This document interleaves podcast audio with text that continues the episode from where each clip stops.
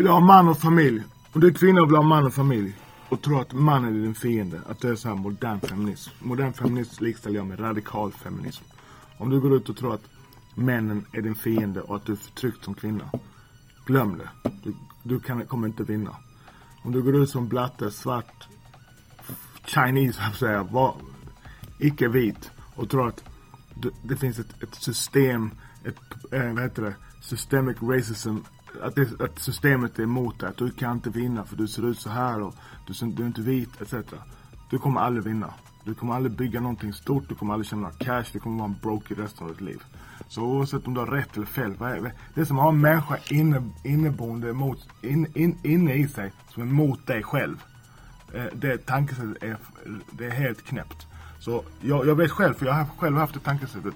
Det, det tankesättet att Åh, rasism, det är svårt att vara svart i Sverige och jag, jag kan inte komma vidare. Det finns, finns rasister, ja. Hon gives a fuck? Låt dem vara rasister. Får inte, får inte människor tänka och tycka vad de vill längre. Låt dem vara det. finns inga lagar som är emot mig på något sätt. Ja, om jag hamnar i fängelse och döms lite hårdare. Okej, okay, jag över bron så kommer jag bli stoppad oftare. Och gives a fuck?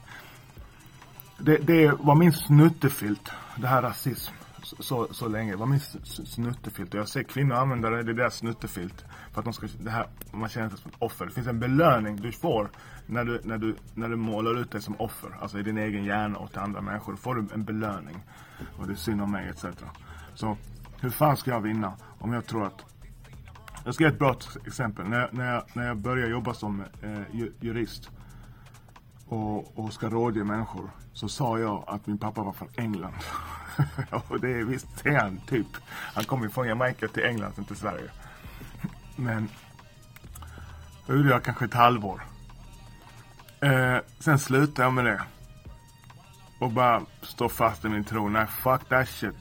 Så jag, jag, när, när jag presenterar mig själv nu så börjar jag med en fucking saga. Där jag börjar, min pappa, han föddes 1936 i Kingston, Jamaica. Och min mamma är född på en bondgård i Norrland 1938. Min far sökte sig ett bättre liv. Han, han, han stack från, från Jamaica. Han slängde en sten på Jamaica innan. Alltså innan jag gick på plan så tog han en sten och slängde på Jamaica. I'm never coming back, sa han. För han ville ha ett bättre liv. Det var väldigt tufft och fattigt. Det är relativt, det är väldigt tufft och fattigt nu också. Men det var ännu värre då. Han hamnade i, England. Eh, jag tror det var Birmingham. Vi säger att det var Birmingham. Min mamma och hennes tokiga syster, de är två tokiga blonda tjejer, unga tjejer, 20-årsåldern. De ville uppleva världen.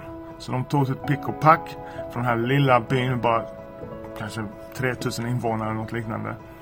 Och åkte till England, eh, detta är på 50-talet, för att uppleva jazzmusikens värld. Och på en rökig, skitig, smutsig klubb i, i gettot i Birmingham så dök min mamma och hennes syster Sonja upp. Två blonda tjejer. Och så fick min far eh, syn på min mamma och blev blixtförälskad. Gick fram till henne och började prata med henne och bjöd ut henne.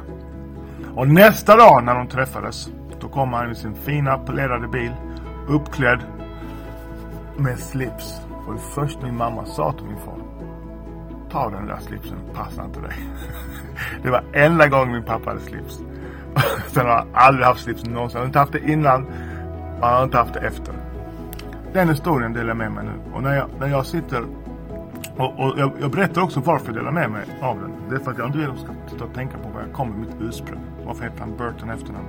Varför är han beige? Varför, varför är han beige? så nu har jag faktiskt varit i Spanien så jag är lite brun nu. Men ja, that's it man. Så Gör, gör inte det. Gör inte själv en otjänst och gå ut i världen och tro att alla är emot dig. Fuck, du, man, come on man. Jag är lyckligt lottad. Jag kunde vara född i Trenchtown. Jag kunde vara född i Tivoli Garden. Jag kunde vara född i Franklin Town. Utan hopp. Bara fucking misär runt omkring mig. Knarklangare och fan vet jag. Jag kunde bli indragen i något gäng eller något liknande. Men det är jag inte. Jag, är, jag har en fantastisk familj.